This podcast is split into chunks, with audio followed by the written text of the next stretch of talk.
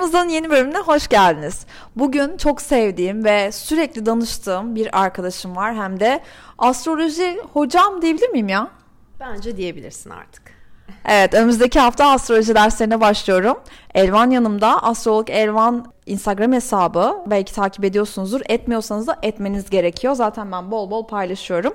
Bugün ona hazırladığım, merak ettiğim bir sürü soruyu soracağım. Ama bu sorular böyle sürekli sorduğumuz ve sürekli böyle cevabını bulduğumuz sorular olmayacak. Genellikle işte kıyıda köşede kalmış ama hepimizin haritasında ortak olan ya da işte hepimizin astroloji bilgisini aynı derecede geliştirecek olan şeyler soracağım. Şimdi öncelikle hoş geldin Elvancığım. Sana bu ara ilk önce bir bu arayı bir değerlendirelim. Ondan sonra hemen sana merak ettiğim şeyleri soracağım. Bu ara neler oluyor? Nelere dikkat etmeliyiz? Hepimizin ortak bütün burçları etkileyecek neler var? Ne gibi durumlar var gökyüzünde? Şimdi Fundik, bu aralar e, hala dolunay etkisindeyiz. Balık dolunayı çok güçlü bir dolunay, çok şifacı bir dolunay. Bırakmak istediğimiz her şeyi ve herkesi bırakabiliriz. Yani böyle güçlü bir dolunay.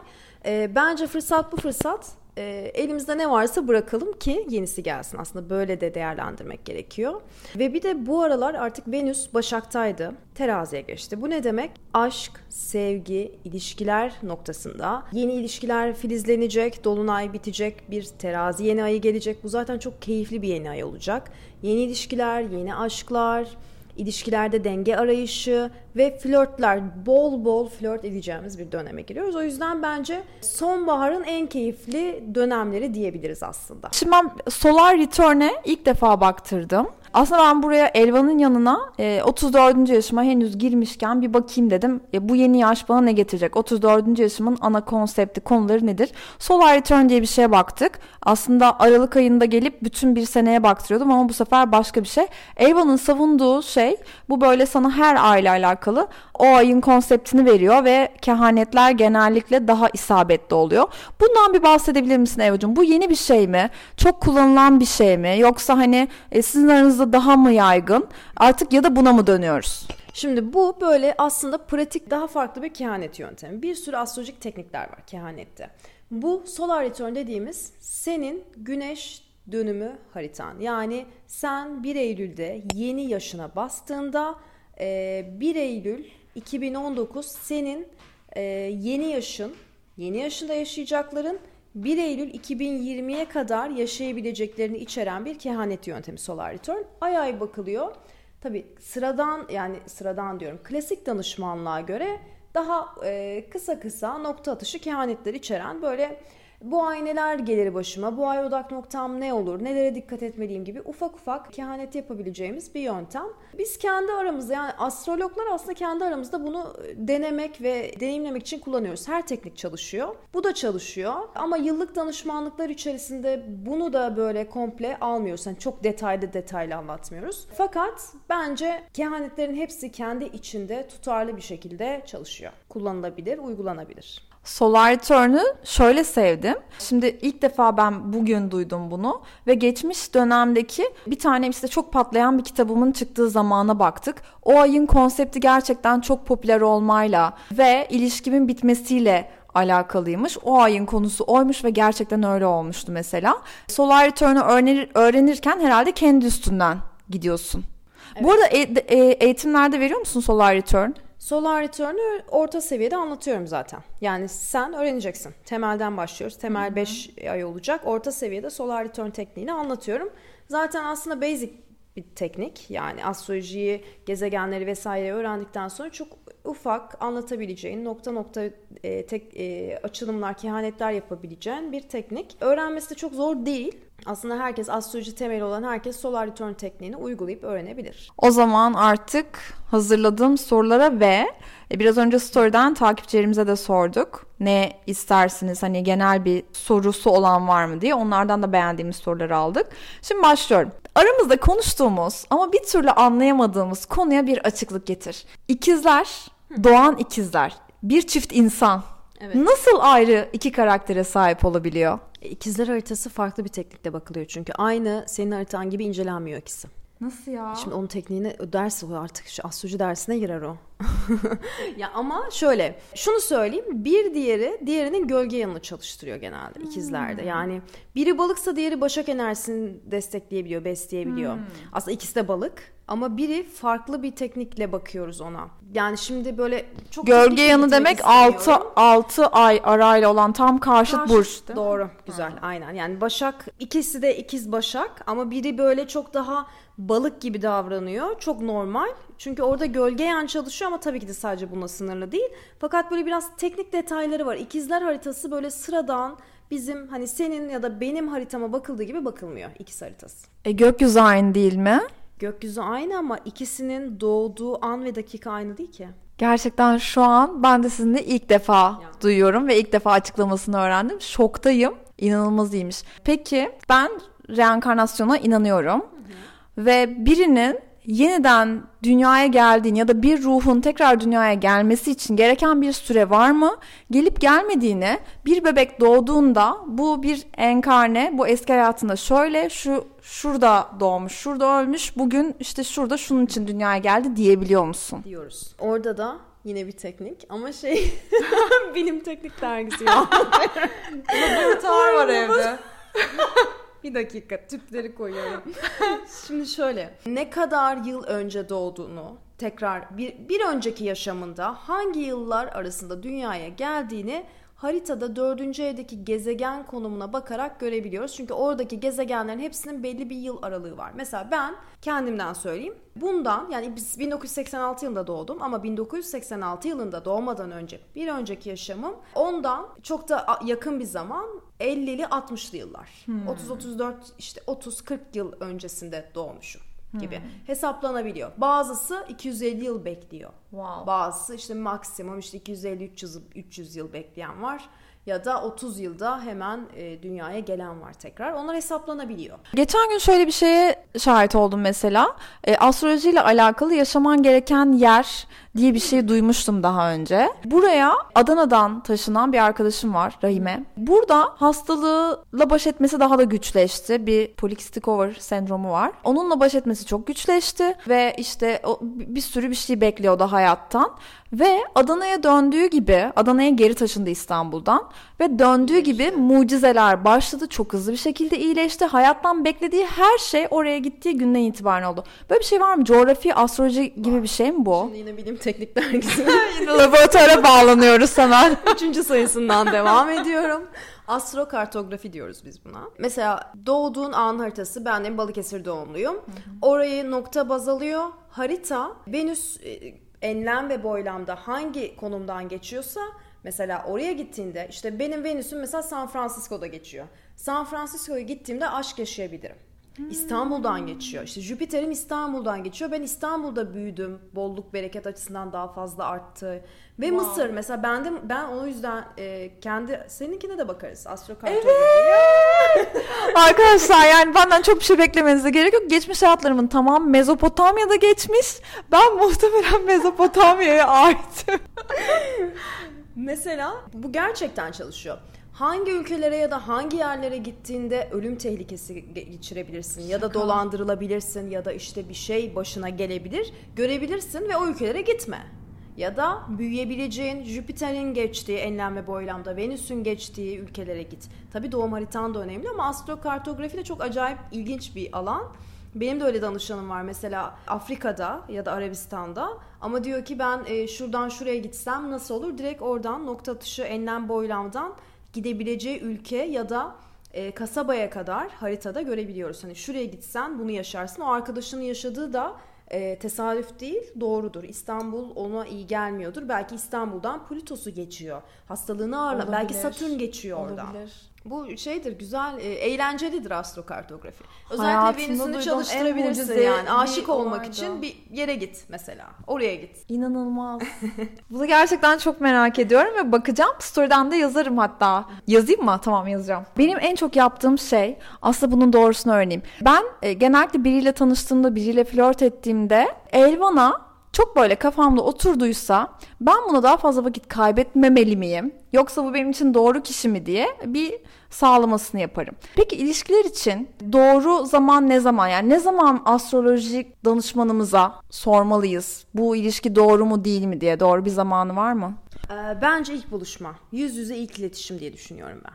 Ama şu da olabilir. Bu da çalışıyor. Yani ben biraz bunu kendi hayatımdan da deniyorum. İşte flörtlerimden hangisi oluyor, hangisi bitiyor falan. Biraz böyle deneysel takılıyoruz ama hani ilk tanıştığın anda olabilir. İlk ekleştiğin, ilk gördüğün, tanıştığın ama sonradan mesela iki ay sonra ilişkiye dönmüştür. İlk tanıştığın anda sana çok büyük mesaj veriyor aslına bakarsanız.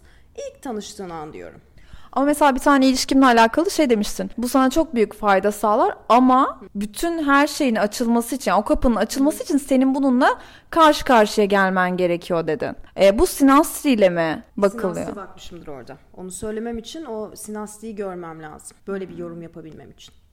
Yani aslında şu var. Biriyle tanıştığınızda hem tanışma anınız hem ilişkiye başlama anınız. Sonra mesela evlendiniz başka bir harita çalışıyor. Hem de sinastri birden fazla veriye bakıyorsunuz. Bir burcun kesinlikle birlikte olmaması gereken bir diğer burç neye göre hesaplanıyor? Hani bir olu, illa anlaşabiliyorsun. İlla bir şekilde anlaşıyorsun. Neyi istiyorsun? Yani İletişim kopukluğu yaşıyorsan Merkürlerin arasında problem vardır. Hmm. Aşkla ilgili eksiklik yaşıyorsan Venüsler uyumsuzdur. Güç savaşı yaşıyorsan Marslar uyumsuzdur. Her ilişki hani mükemmel ilişki yok ya. Her yani anladım. Var. Güneş burcuyla alakalı hiçbir şey yok. Haritalarını karşılaştırman gerekiyor. Öyle mi? Evet ya. Harita. Hani, şimdi tabii ki de genele yorumlamak adına güneş burçlarından ve yükselenden gidiyoruz hmm. ama ilişkiler için Venüs ve Mars'a hani detaylı bakmak için Venüs ve Mars'a bakmak daha doğru.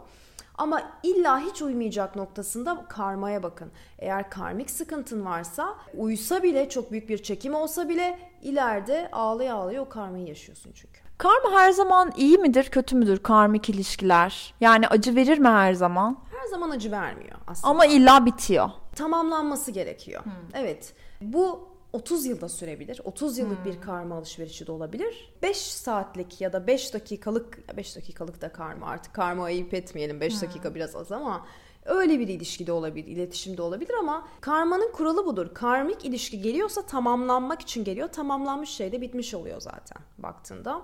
Bu nasıl oluyor? İşte güney ay düğümlerine bakıyoruz orada. Yani güney ay düğümünüz birinin Venüs'üyle birinin Mars'ı, Plüto'su bir şeyle kavuşum yaptığında orada karmadan getirdiğim bir figür var. Geçmiş yaşamda ne halt ettin, ne yediysen onun önüne e, serilmesi var. Biri alacaklı, biri borçlu. Hı hı. E, o noktada tabii ki de birinin canı acıyor. Yani ben orada açıkçası karmaya bakmayı daha doğru buluyorum. Hani en olmaması gereken burç ha. noktasında.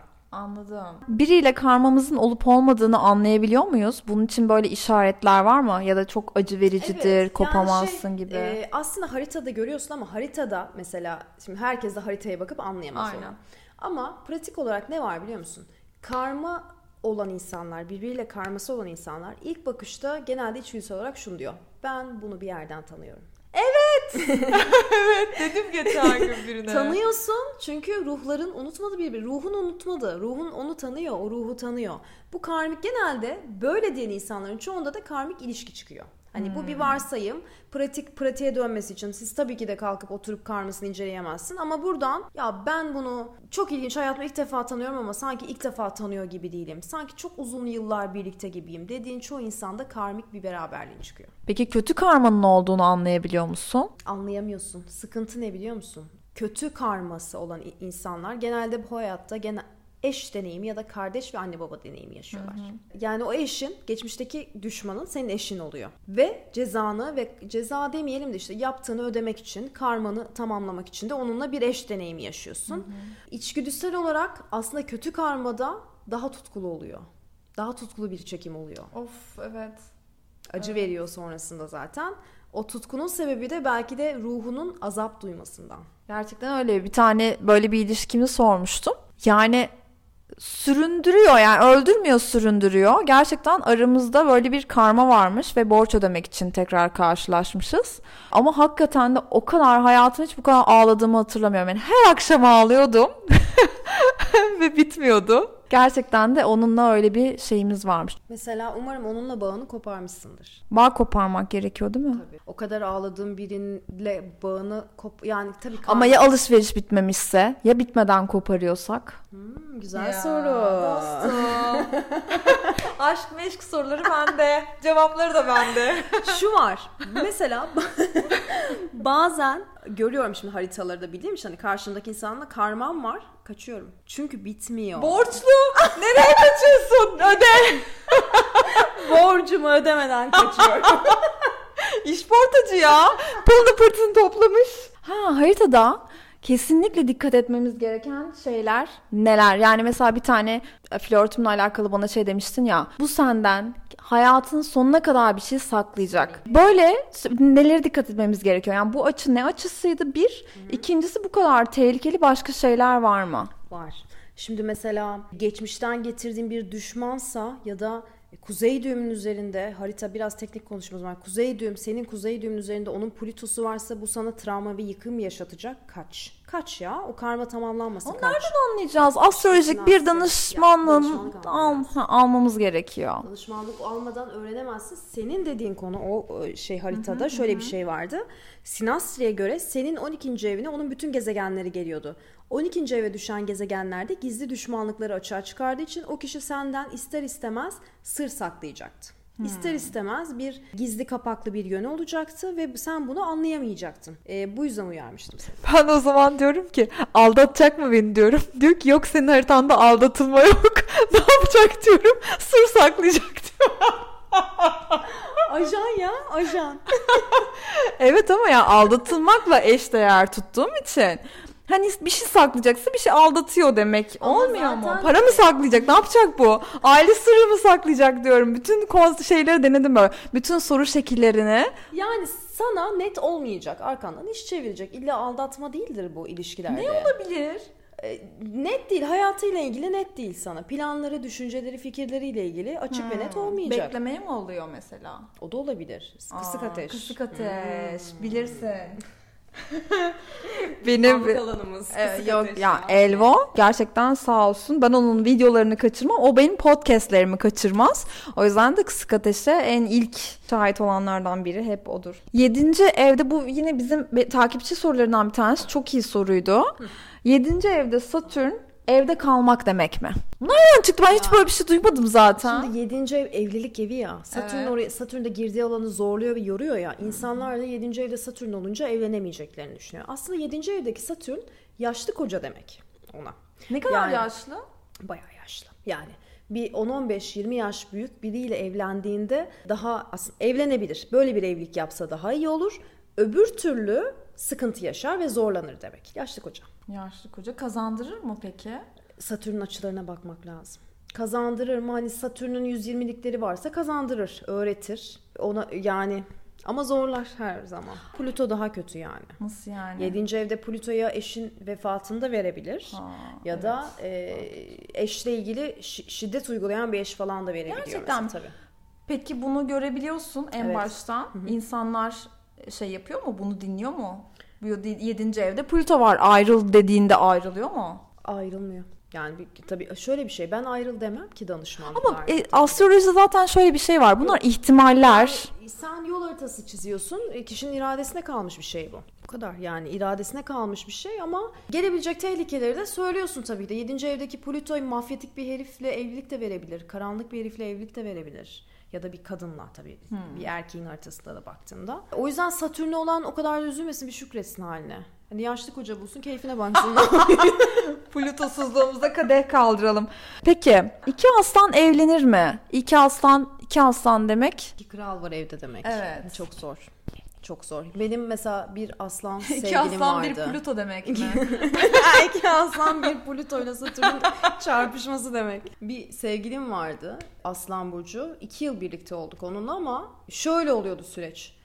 Sürekli ikimiz iki aslan olarak birbirimize sürekli dedik. Yani benim dediğim senin dediğin. Yani evde iki kral olunca kim hizmet edecek? Orada bir sıkıntı çıkıyor. Yani iki aslan zor. Çok tutkulu Ama çok zor. Çünkü çok bencil. As- aslan bencil bir burç. Yani ben İki merkezim. izler, iki ikizler süper anlaşıyor değil mi? Ay bir şey söyleyeyim onlar güzel olabilir Çok iyi aslında. anlaşıyorlar. Kimi görsem iki ikizler. E ne güzel bak ikizleri o zaman böyle ikizleri ikizlere yapalım. Çünkü ikizler de Evet, zor bunlar hani şey Sıfırı ya. sıfırla çarpmak gibi. Bunlar birbirini böyle böyle yok edecek. Güzel iki ikizler uyuyor. İki yayı da birbirine yapabiliriz. İki Böyle yay. böyle devam edebilir bu süreç. İki ama yay eğlenceli bir burç. Eğlenirler işte. Hani Evet. onlar domine etmiyorlar ya. iki Evet. kova da olabilir. Ama Evet. iki aslan yani çok iki koç. iki aslan çok zor. Mesela Çok bunlar zor. zor. İki akrep zor. iki boğa zor. İki başak herhalde Huni ile Ah. dolaşıyorlar evde. Birinin elinde bileta, diğerinin elinde domestos. Tuz ruhu. Tuz ruhu. O çok- İki başak olabilir. iki başak olabilir aslında. Ego savaşı yok çünkü. Yani şimdi ikili ilişkilerde ego savaşı olunca işin içinde bir sıkıntı olabiliyor. İki başak olabilir ya. Birbirlerini idare ederler bence. Bir tek iki, iki koçla iki aslan biraz tehlike Aa, ediyorsun. Kötü. Bence olmaz. Anladım. Akrep de olmaz. İki akrebi düşünebiliyor musun? Atom bombası. İki akrep. Düşünsene. Birlikteler. Çok zor. Ay evet ya. Birbirlerini sokarak öldürürler abi. bir- Son olarak laboratuvara geri dönüyoruz hocam. Hadi bakalım. Burçlar ilişkileri ne kadar etkiliyor? Yüzde kaç? E, Yüzde yüz yani ilişkileri derken. Güneş burçları mı? Evet. Ya yine etkiliyor ama, E zaten en yaygın olarak bildiğimiz güneş, yükselen ve ay burcumuz. ama ilişkilerde Venüs'e ve Mars'a bakıyoruz kadın erkek ilişkilerinde. O güneş burcuna da Üçü çok de- bak. Peki onlar yüzde kaç etkiliyor Şimdi yani? O güneş genel kişiliğimiz. şeyler. Ee, hadi yüzde vereyim sana oran. Senin için Ver bir oran ya, vereyim. Yüzde kırk da en azından. Yüzde kırk. İşte neyse. Biraz Yüzde anlıyorum yüzde veriyorum. Bir haritaya baktırmak gerekiyor minimumda. Çünkü değişmeyen bir şey var. Bir haritaya bakıp e, gezegenlerin hangi evde olduğunu bir görmek gerekiyor. Bundan sonrası çok kolay. Daha o zaman haftalık ve aylık burçları dinlemek gerekiyor mu yoksa gezegen etkilerini mi? Ben de dinliyorum hala. Yani haftalık aylık burçları dinleyin. Dinlerken de çünkü biz yorumları öyle yapıyoruz. Önce yükselen burcunuza bakıyorsun sonra güneş burcunuza. Çünkü önce yükselene göre yorumlar yapıyoruz. Yani sen Başak bile olsan yükselen teraziyi bir önce dinle sonra Başak'ı dinle. Gerek var mı Başak'ı dinlememe? Dinle. Yani çünkü e, hem Başak'ın aylık yorumunu yapıyoruz hem de yükselen Başak'ın aynı şeyde yapıyoruz. O yüzden ikisini de dinlemenin yani pardon yükselen terazinin ikisini dinlemende fayda var. İki etkiyi de görebilirsin. Çünkü bunlar olasılık ya. Tamam peki danışmanlığa gelen insanlar için en baştan söyleme, söylemek istediğim bir şey var mı son olarak? Doğum saatiniz net olsun. Yani doğum saatinizi net bilmeniz çok önemli. Bilmiyorsanız bile bir ortalama verin ki size astroloğunuz bir e, net rektifikasyon dediğimiz doğum saat hesaplamayla saatinizi çıkarsın. Öbür türlü kehanetlerde yanılma payı oluyor. Ve diyorsunuz ki siz mesela e ben gittim buna hiçbir şey bilemedi Aynen, ama aynen. çünkü saatini net vermezsen çok büyük sıkıntı. Bilemez yani karşıdaki kişi de. Çünkü evler kayıyor, gezegenler kayıyor. Peki bu astroloji şekilleri var ya astroloji şekili mi denir ya bu? Bu ayrı konular var ya işte coğrafya, astroloji, karma Evet. bir sürü şeyi var. Alan. Bunların hangi alana baktırmak gerekiyor? Yani bunlar mesleğe göre mi değişiyor? Yoksa buna kesin baktırın bu hayatta çok önemlidir dediğin astroloji alanları var mı? Şimdi aslında neyi merak ediyorsan biraz ona ve neye yatkınsan hepsi çalışıyor. Karma astrolojide çalışıyor, Vedik'te çalışıyor, e, Batı astrolojide çalışıyor. Sen hangisine kendini daha yakın hissediyorsan ona baktır. Ama şu var, faydacı bir üslupla mı gitmek istiyorsun? İşte bu ben geçmiş karmalarıma bakmak istemiyorum. Bu hayatta önümdeki işte ne kazanacağım, ne edeceğim buna mı bakmak istiyorsan Batı astrolojide sana yeterli. Ama daha derine inmek istiyorum. Ruhum neyden mutlu olur, neyden e, neyde başarılı olurum demek istiyorsan karmayı öğrenmen lazım. Ya da biraz daha doğu tekniğine gireyim. Daha farklı bir şey yorumlara göreyim diyorsan Vedi'ye de baktırman lazım. Ya bu biraz kişinin ne istediğine bağlı. Tamam. Ben karma bana daha doyurucu geliyor. Yani ben de ara ara böyle işte astrolog arkadaşlarımla konuşuyoruz. karma? Evet daha ruh ruha bakıyoruz. Yani ruh neyle mutlu bu hayatta? Neyle mutsuz? Ay karmada ay burcu o yüzden çok önemli aslında. Ruhun neyle mutlu olduğunu, sizin ruhunuzun hangi konularda mutlu olduğu, beslendiğini ay burcu anlatıyor. Mesela senin ay burcun neydi? Balık.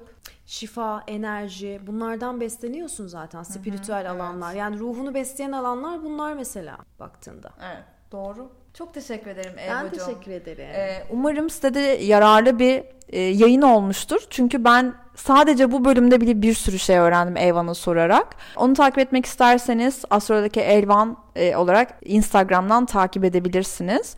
Ama önerim YouTube kanalına da abone olmanız. Çünkü ben bütün videoları izliyorum ve hiçbirini kaçırmıyorum. Şimdi bu kadar. Umarım siz de eğlenmişsinizdir. Biz çok eğlendik. Bir sonraki bölümde görüşmek üzere. Hepinizi öpüyorum.